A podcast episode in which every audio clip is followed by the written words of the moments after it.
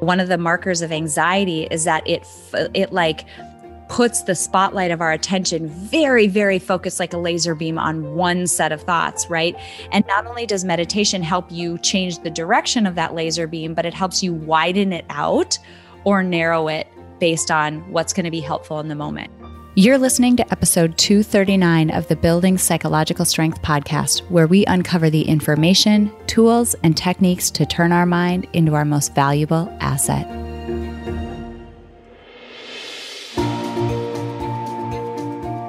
the courage to face fears with persistence.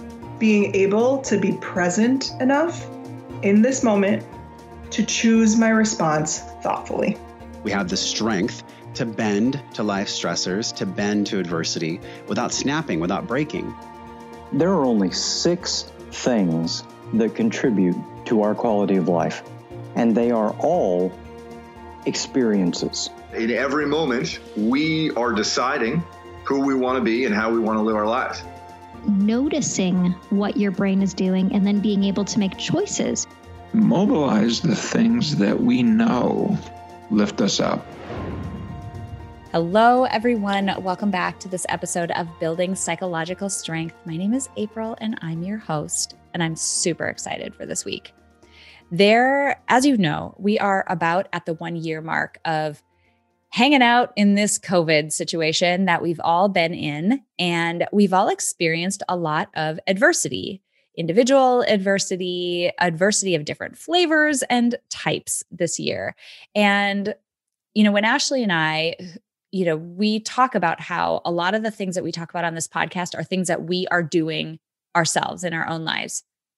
This week's topic is something that I dove into headfirst during this year of COVID. It has become a staple as part of my morning routine. And it's something that I now can't believe wasn't something that I did before because of how awesome I'm finding my experience with it. And that is meditation. So, we're going to be diving into this topic of meditation, specifically how to not hate it, especially at first. Uh, and Ashley's here to chat about that with me. One quick thing before we dive in. Um, earlier today, I actually, I'm basically talking to Ashley all day today because earlier today, before we hopped on to record this, we had our monthly live call with our Ascend students. So if you don't know what Ascend is, Ascend is our signature psych strength building program. It is a three module, self paced program where you dive into module one, all focused on you and uncovering uh, sort of the, the fingerprint that makes up who you are and how you show up as your best and what motivates you. Module two dives into your mind, basic psychological processes and how they operate in your own mind so that you can understand them and be aware of them and be ready for them, uh, and also build strength in the direction that you want to go. And then module three is life design. So, your life. So, you, your mind, your life.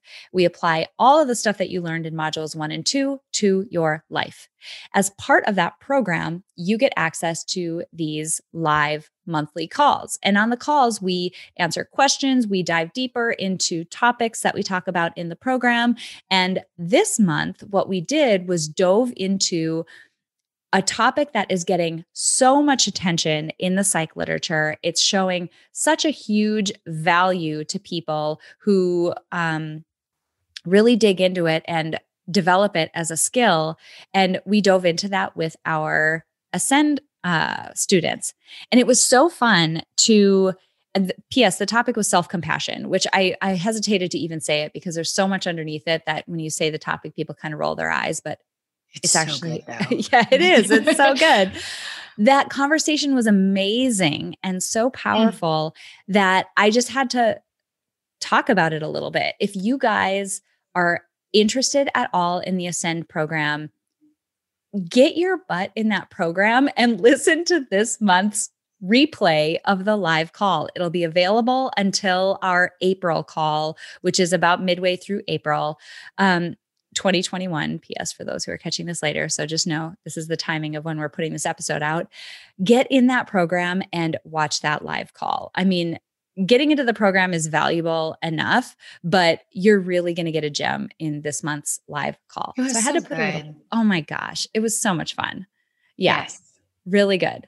So hello, I just had to put that uh, plug out there. A better person would have already given you the link. The link is peakmindpsychology.com backslash ascend. I'll put that in the episode description and on the show notes page as well. Again, peakmindpsychology.com backslash ascend. You can get all the details on that program, what you get with it, all the goodies and that type of thing. Um, but had to talk about it because I was still sort of on a high from kind of jazzed, right? This was it was a really good one, and I'm I'm pumped to talk about today's topic too. yeah. uh, because I, like you, am full on member of the meditation bandwagon and haven't always been. Like I remember several years ago, my mom. So my mom was into yoga before it was cool, right? So so I've been exposed to yoga most. Of I my love your mom. P.S. I- Right? she's like everybody needs to meet Ashley's mom. Hi, Ashley's I- mom. if you're listening to this, she's so wonderful. I adore her as well. And uh, the thing is, so she was into yoga and meditation before it was cool. And this was, it was probably late 20s, maybe early 30s. And she was planning a trip to Costa Rica for this yoga retreat. She really wanted me to go. And I'm like, tell me the itinerary. And it started out with like a 6 a.m. hour long meditation. And I said, hard stop, I'm not going. Meditation is dumb. Fast forward, and here I am, like, mom, you were onto something. You heard of And- meditation? she's rolling her eyes. like let me get let me get you an app for mother's day um but i say this you know i'm excited to to talk about this today as someone who used to hate it and now doesn't as someone who is fully fully committed to it being a worthwhile practice now that doesn't mean that i practice every day um or that i practice in the same way every day. But excited to throw that out because and I want you guys to know like we've both been there. Rolling eyes at meditation, don't have time for it, can't be bothered. It's not worth it. It's hard, it's stupid, it's boring, it's all of the things. And so we want to we want to talk about that and see if we might be able to change your mind just a little bit on it. Mhm. Yeah. Um, love that. So we're going to hit this, uh, you know, we've we've got a few things we want to talk about today. First one is just like a very very quick overview of benefits of meditation Mhm. because um I guarantee you've heard them. They're all over the place. I mean, meditation, which PS, maybe we should just define what we're talking about here. Sure. In this case, we're talking about uh, sitting quietly and focusing our attention on something, intentionally focusing our attention on something. Side note, that's all meditation is. That's it. Focused attention on something. It's attention training. Yes. Yeah. That was that was one of the things that really helped me. It was like to understand what it actually is and like the link between mindfulness and meditation and and but really we're we're talking about focusing our attention on something. Mhm. The breath, your inner experiences, an external thing, a certain emotion, all kinds of stuff. But that's all Right. it is. It's just focused attention. Right. And I like that as a definition and as a grounding place because it makes you understand why there are such huge benefits. And this is where I think people fall short in selling it as a technique. People say things, and I'm sure you've heard this oh, it reduces anxiety, it reduces depression, it helps people with pain tolerance, on and a stress relief, like you name it, on and on and on. Um, amazing psychological benefits. And like I said, we're going to gloss over them. We're going to more get at the mechanism under underlying why because that hasn't been talked about as much. If you want to know the laundry list of of bullet points, you can google that. They're very easy to find. Mhm. The Can I mechanism hit that for just a Oh, second? 'Cause that yeah, was one of the other it. selling points for me is like really fully understanding the benefits of it. Think of meditation as like going to the gym for your brain. Yeah. That's it. It's going to the gym for your brain. So all of those, if you want to be happier, meditate. If you want to be less anxious, meditate. If you want to live longer, there's research that shows that it actually turns on and turns off different genes and it affects us on a cellular level. Mm. So if you're worried about aging, here's a practice you can do that costs nothing except time. So just wanted to throw that out there because really the the benefits are are amazing. It's like mind Botox. It really is. Okay, I'll stop. Okay. Okay. So let's put these two things together, right? All these psychological and physical benefits. And we talked about how it's inten- attention training. Think about where our attention largely is in just everyday life. We've talked a ton on this podcast about default mode network, mm-hmm. about the committee in our mind, about our loud internal mental chatter. Mm-hmm. We've talked about that a ton. Most of us, the vast majority of our lives, were spent fused and wrapped up in that mental chatter. And that mental chatter is you know planning and predicting and judging and and you know criticizing and it just has so many things to say about everything that is going on in the world and if you're like a typical person there's a lot of negativity in that mm-hmm. because our minds are have evolved to focus on negativity. This is like our mind's natural default way of being in the oldest sense of the word, right? We've got this right. running commentary that is very negative. It's very threat seeking. It's very loud. It's chattery. It's disjointed. It's, I mean, all of these like yucky things that make for a really bad experience. What meditation is doing is it's getting you to recognize that those thoughts are happening mm-hmm. and change where your attention is focused so that you mm-hmm. can unhook your attention from those thoughts mm-hmm. and put it somewhere else. So think about it like, you know, when you're feeling anxious or angry or sad or guilty, basically you've got a lot of negative thoughts going on and those grab your attention. This is where you get lost in your head or you're lost in thought or you're spacing out or you're kind of thinking about the future or dwelling in the past. It's because those things demand our attention.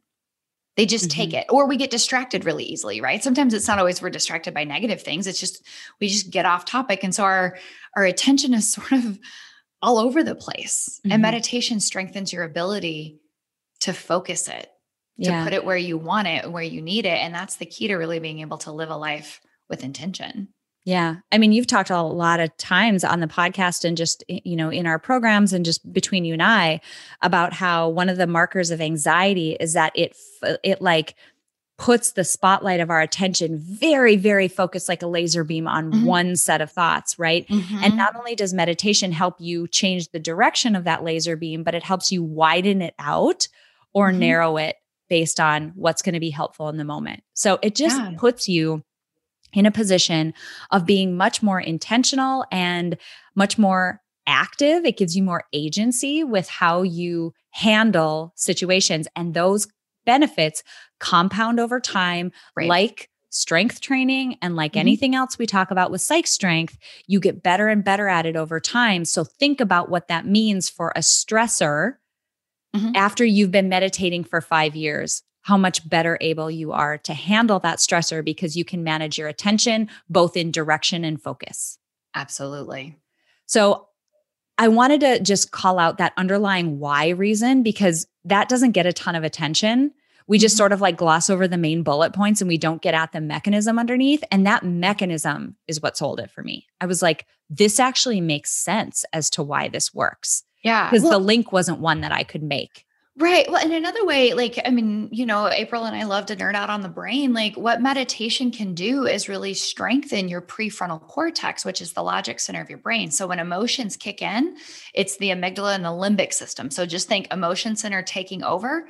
Meditation strengthens basically the brakes. You're able to then pump the brakes on your emotions. Mm-hmm.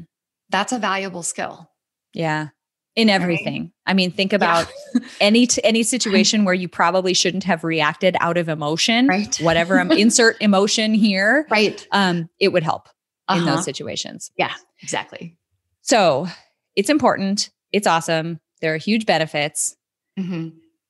but people still hate it, and there are reasons why they hate it. Yes, there's a set of myths that I think get conflated with what meditation's supposed to look like. Uh, the pretty imagery online doesn't help. Uh, mostly, meditation is a unsexy. Um, I mean, half the time I'm meditating in my living room and my kids' toys are spilled all over the place and whatever. So that is not the image that you would get online. No, um, you do not have to have a pillow with incense and a perfectly no. serene, calm, quiet space. No, that's the perfect for Smith, right? I have to sit still. I have to sit in a specific position. I have to cross my legs and put my hands in a certain way. Uh-huh. I have to sit in this perfect place with like a cushion and a mat and like crystals and all this stuff around me. And I have to set it up perfectly. And that's how I'm going to meditate. And I don't have time to set that situation up, or that's not the house that I live in. Right. You don't need any of those things. No, I don't have a meditation nook. Sometimes I do it in my office, sometimes on the couch in the living room, sometimes laying in bed, sometimes upstairs. Um, you, you could do it anywhere. You do it outside. You can do it in the car. You can do it anywhere. Yes. Which also means you don't have to close your eyes. yeah. You can, Yeah. but you don't have to. We'll get to this, but there are forms Mhm. of meditation that you do with your eyes open. Mm-hmm. So you do not have to sit in a specific position. Sit Nope. still. If you have an itch, scratch it. Oh my God. You can use, again, different kinds of meditation. You can use Yep. that itch to help you stay present. But if you don't like that, don't do it. Um, you can scratch an itch. You do not have to be in a perfect place. Mhm. Myth number two is probably the biggest one that I hear. I can't make my mind go blank. I keep getting distracted. Well, that was my biggest resistance to this, right? Yes. As, as a as an anxiety specialist, right? This is my area of expertise. And I understood it as make your mind go blank. And I was like, I call bull on that because that's not how brains work. That's not what's going to happen. And it turns out it's because I didn't understand what it really is. Your mind's not going to go blank. Mm-mm. It's fine. That's not the goal. The goal is then to notice, to notice where your attention is going and put your attention back on the object of your meditation Mhm. attention training and that for me was like light bulbs and also a lot of people that i've worked with like saying forget everything you know here's what it is here's what it is you're not going blank Yeah. So if you're doing the most basic meditations where you're focusing on your breath, right? People pick Yeah. your breath because it's something you carry with you, Mhm. right? You don't have to have any special circumstances. Like you're always breathing. And so it's just an easy way to be able to meditate anywhere, anytime. So you're focusing on your breath. Nine times out of 10, I won't realize for some amount of time. I mean, a, a decent amount of time, I'll be in a meditation session and I'll quote unquote wake up and realize I was literally just thinking about my to do list for the day. Mhm. Or I was planning out what I was going to make for dinner. Mhm. Or I was thinking about the outline of a podcast episode coming up.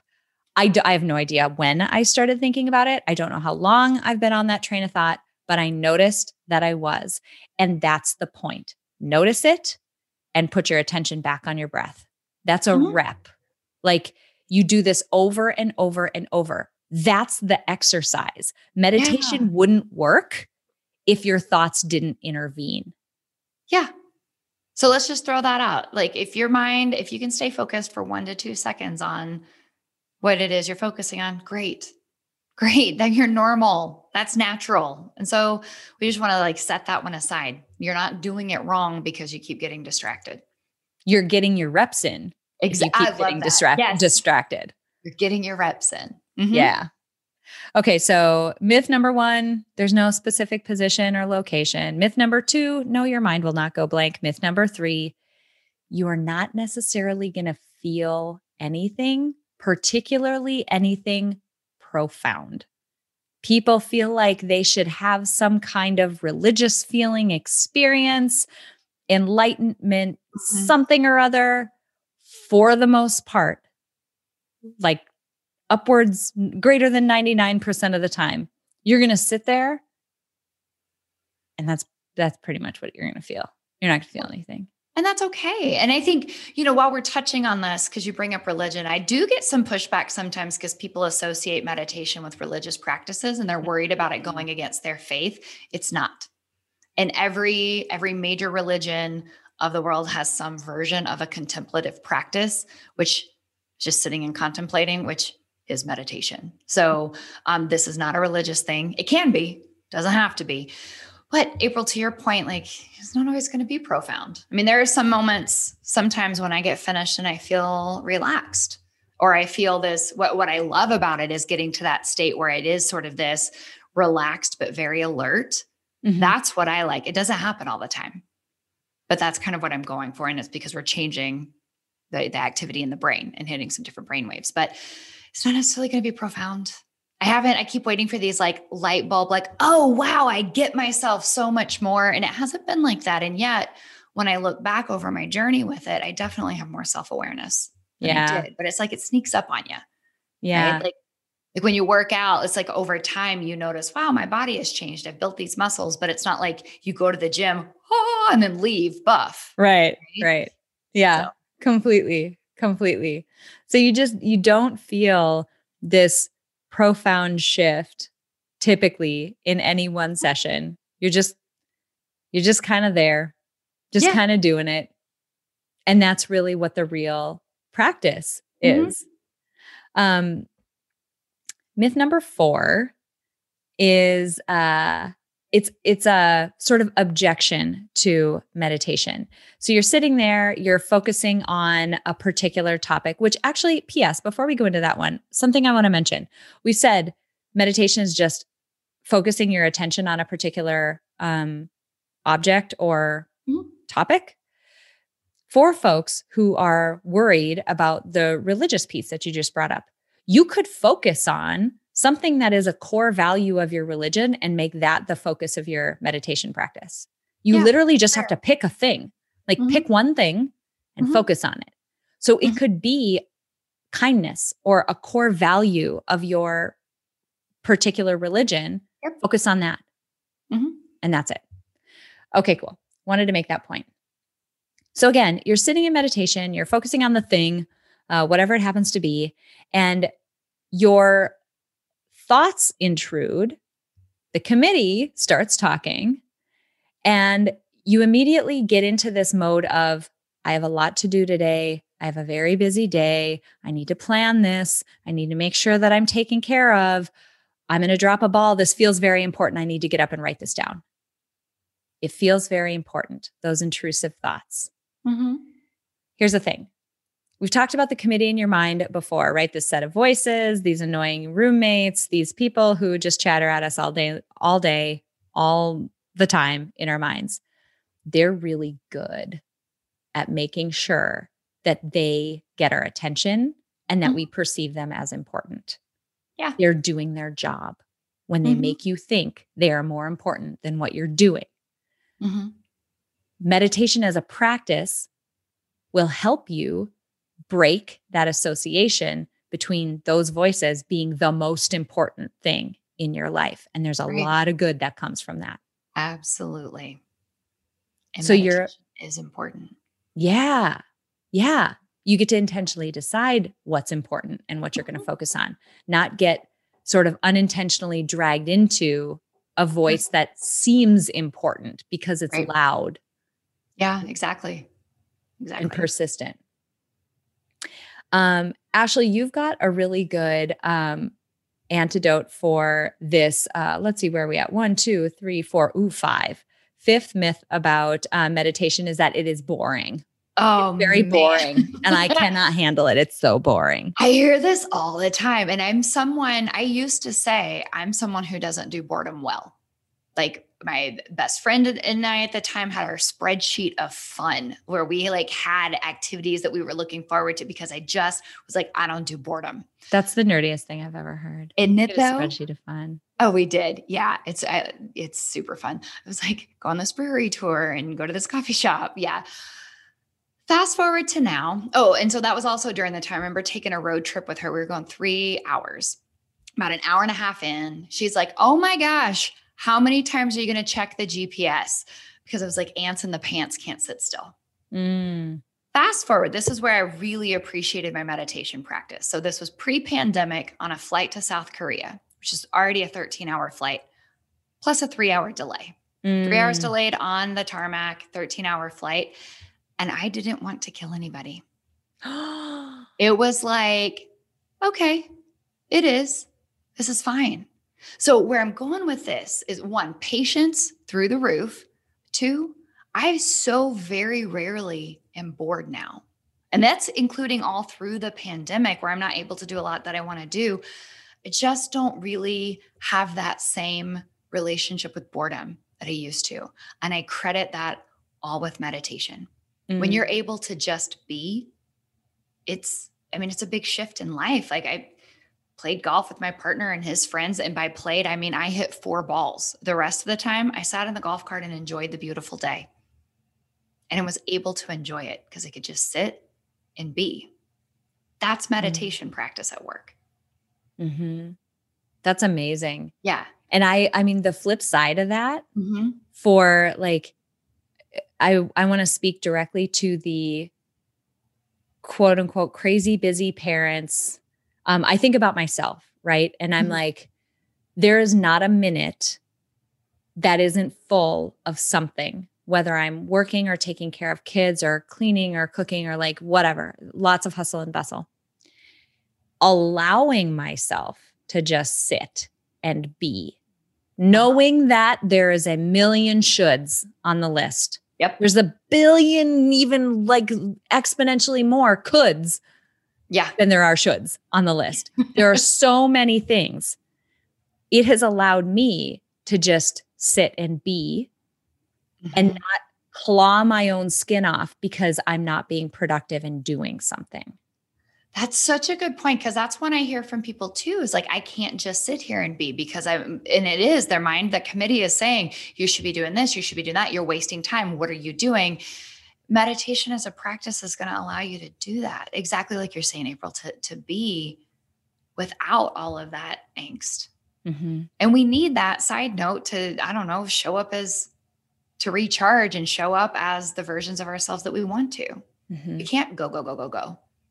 And here's what's cool Mm-hmm. about that too, right? I want to belabor this point for a minute and and connect a few dots. We talked about how you need your mind to intervene in order for meditation to work. Like if you had no distractions, that's like lifting weights without a, a weight in your hand or like not Yeah. even doing the movement at all. Like it's like there has to be some resistance there for you to get the benefit of the mm-hmm. exercise. And that's what your distractions are. The more times you get distracted, the more you start to notice what the content of those thoughts are. And what I started to notice the content of my thoughts are are you are not being productive. And this is me as an entrepreneur. I think about my time as a very valuable thing. You're not being productive. This is not a revenue generating activity.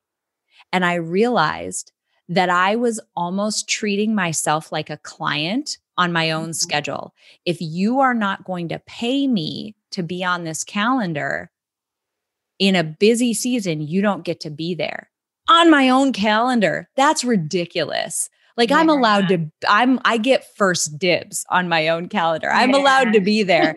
And so it wasn't until I had the self awareness around the content of those thoughts Mm-hmm. and then had the control and the ability yeah, to disengage with them that Mhm. it really started to pay off for me. absolutely. Yeah. Like that. It's the awareness, the control, Mhm. the ability. And that's what meditation builds for you. Mhm. Mm-hmm. Yeah, for sure. Okay, so set of myths. You don't have to sit in a specific position in a specific place, any of that. Your mind does not have to go blank. You are likely not going to feel something profound. Uh, the intrusive thoughts and just planning and all of that is your mind trying to convince you that it's important, not Right. that it actually is. Um, and the boredom that comes from it, it's there because it's basically an indication that you need to be doing the practice. that You're Yeah. having a tough time just sitting there and being. Well, and that's what I was thinking is that often, uh, you know, the antidote to boredom, it's like it means you're not paying close enough attention to whatever it is you're doing. So if you're bored, pay closer attention and the boredom goes away and, and you can bring curiosity to it. So anyhow, meditation is great for boredom. Yeah. So all of those things, Mm-hmm. big myths, totally get why you may feel them, but just be open-minded and, you know, take our word for it for a moment. Mhm. Um, just to give yourself a chance to get started. Wanted to just dispel a bunch of the things that we hear. Before we close out, I want to get into some practical tips. So let's say we've got you convinced that, okay, there is some benefit here. I understand why there's benefit. This actually makes sense. Mhm. And um, I see it now. I see that maybe some of the things that I thought before were things that either were not true or that I could work on. Right. Um, how do I start? And the first tip is one to just give you permission to experiment, to make it your own.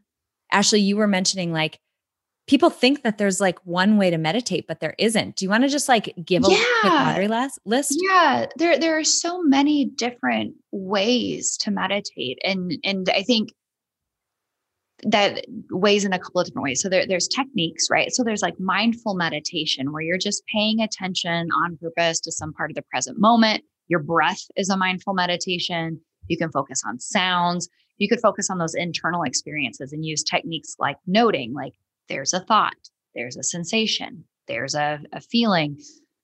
But then there's other types of meditation. Like one of my personal favorites is called metta meditation, and that translates roughly to loving kindness. And it is meditating on a specific feeling. So instead of like mindful, just being aware of what's there naturally, it's creating feelings of loving and kindness, feelings of compassion.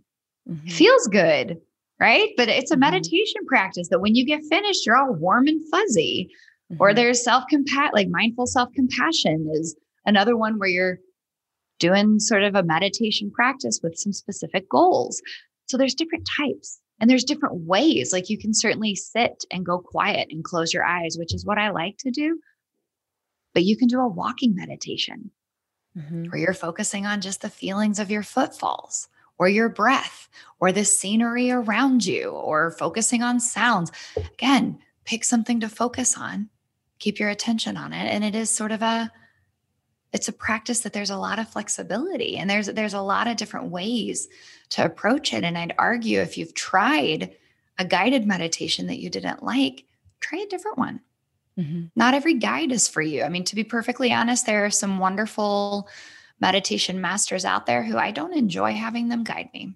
There are other ones I love their style. Mhm. So I tend to, to gravitate toward those. Yeah. So make it your own.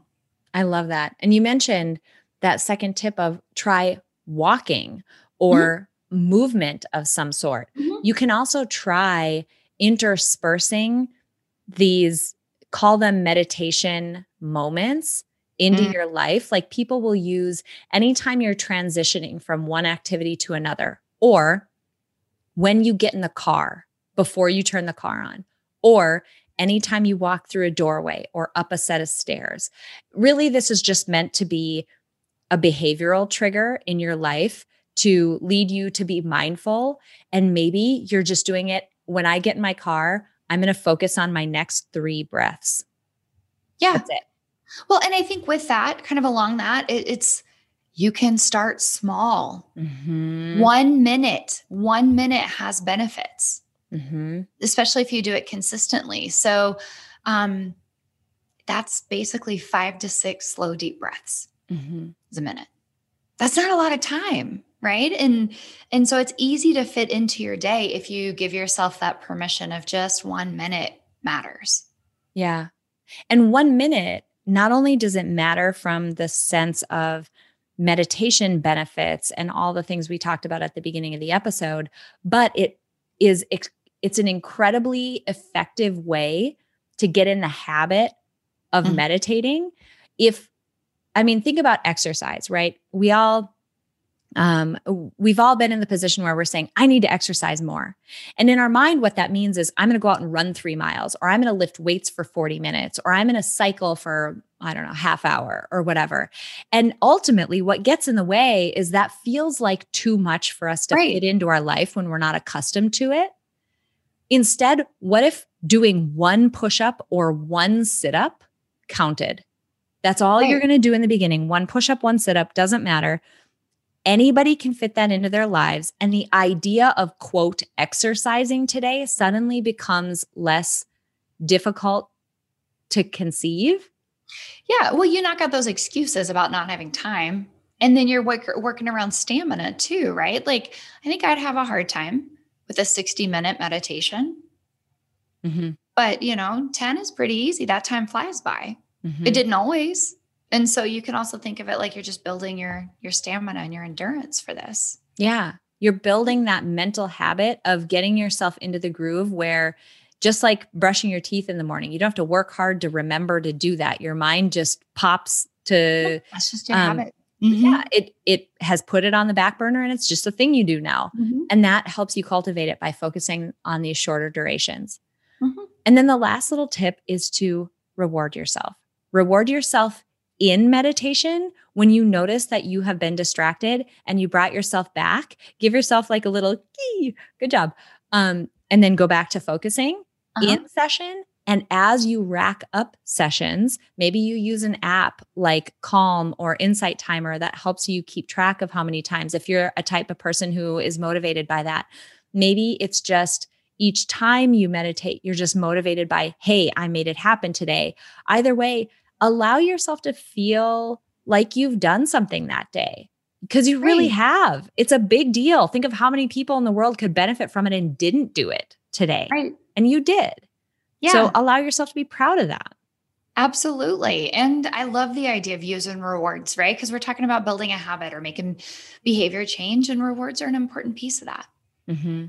Yeah. Yeah. So I hope this was helpful as just a like an introduction um, from two people who really hated it in the beginning. we did this episode because both of us were in that position, just hated it in the beginning, and now love it and see the benefits and want to help guide other people who might be in that same position um, Mhm. into a practice that's been really impactful in our lives. Mhm. Yeah. Um, let us know how this goes. Try it out. Um, shoot us a message on Instagram. You can find us at Peak Mind Psychology or shoot us an email info at peakmindpsychology.com. We'd love to hear from you just to hear how things are going. And if you have a fellow uh, meditation hater in your life, uh, share this episode with them because we really hope it helps you get over just that initial hump of giving it a try and putting it to practice in your life. Right. All right. Thanks so much, you guys. Uh, we will see you next week for another awesome episode. Take care of yourselves and give it a shot. We'll talk to you soon. It's a simple fact that nearly everyone in the world could benefit from building psychological strength, but not everyone will put in the time and effort to do so. But today you did. Thank you so much for listening to this episode of Building Psychological Strength. Now, if you're interested in building the mental toughness, confidence, and resilience you need to thrive through life's ups and downs, visit us at www.peakmindpsychology.com. Also, if there's someone in your life who could benefit from this episode, please share it with them. And if you yourself found this episode valuable, meaning if you took away even one insight that you can use to build psychological strength in your own life, we would so appreciate it if you would drop us a rating and a review on iTunes. The thing is, the more ratings and reviews we have, the easier it is to get this powerful and important content out to the people who need to hear it. Remember, your mind can be your most valuable asset or your biggest liability, and you get to choose. So choose wisely, my friend. And I'll see you next time on Building Psychological Strength.